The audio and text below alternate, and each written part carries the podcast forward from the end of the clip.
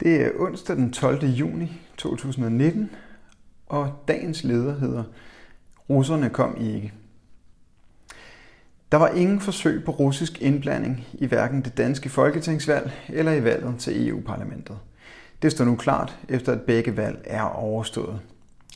Forsvaret har ikke fundet et eneste eksempel på russisk påvirkning af valget i Danmark, bekræftede Claus Hjort Frederiksen lige før han blev afgående forsvarsminister.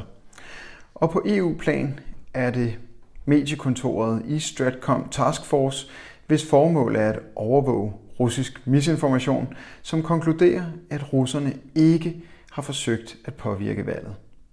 Det samme gør en forsker i misinformation på Malmø Universitet. Det har ellers ikke skortet på advarsler fra både regeringen og Claus Hjort Frederiksen. Det er ærligt talt rystende at se, hvordan Rusland i stigende grad udbreder falske nyheder. Det er kampagner, der bevidst prøver at undergrave vores samfund og tilliden til vores systemer, lød det fra ministeren i marts 2018. Og i september sidste år søsatte regeringen en handlingsplan mod udenlandske påvirkningsoperationer. Ved pressemødet stod tre ministre skulder ved skulder og erklærede, at det handler om at forsvare vores frihed og demokrati og bekæmpe truslen mod vores frie demokrati med håndfaste midler. Handlingsplanen bestod af 11 punkter, og et af dem var at invitere repræsentanter fra medierne til en dialog om at imødegå udenlandske forsøg på at påvirke det kommende folketingsvalg.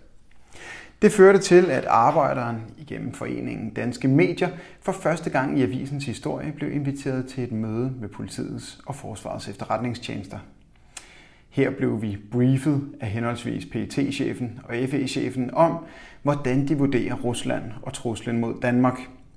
Og selvom de konkrete eksempler var få, understregede de gang på gang, at truslen mod Danmark var og er alvorlig. I dag kan vi se tilbage på flere års koldkrigsretorik mod Rusland og overveje, hvad det egentlig er, vi har været udsat for. Peter Viggo Jacobsen, lektor ved Forsvarsakademiet, påpeger i Berlingske, at regeringen har nok følt et behov for at øge forsvarsbudgettet, og det har russerne så fået skylden for. Den lader vi stå lidt.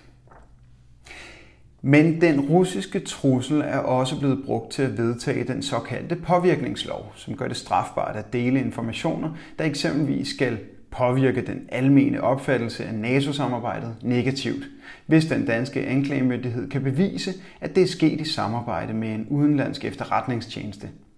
Flere har advaret om, at loven er en indskrænkning af ytringsfriheden. I historien er det set før, at fjendebilleder tjener et helt andet formål end det, som siges højt.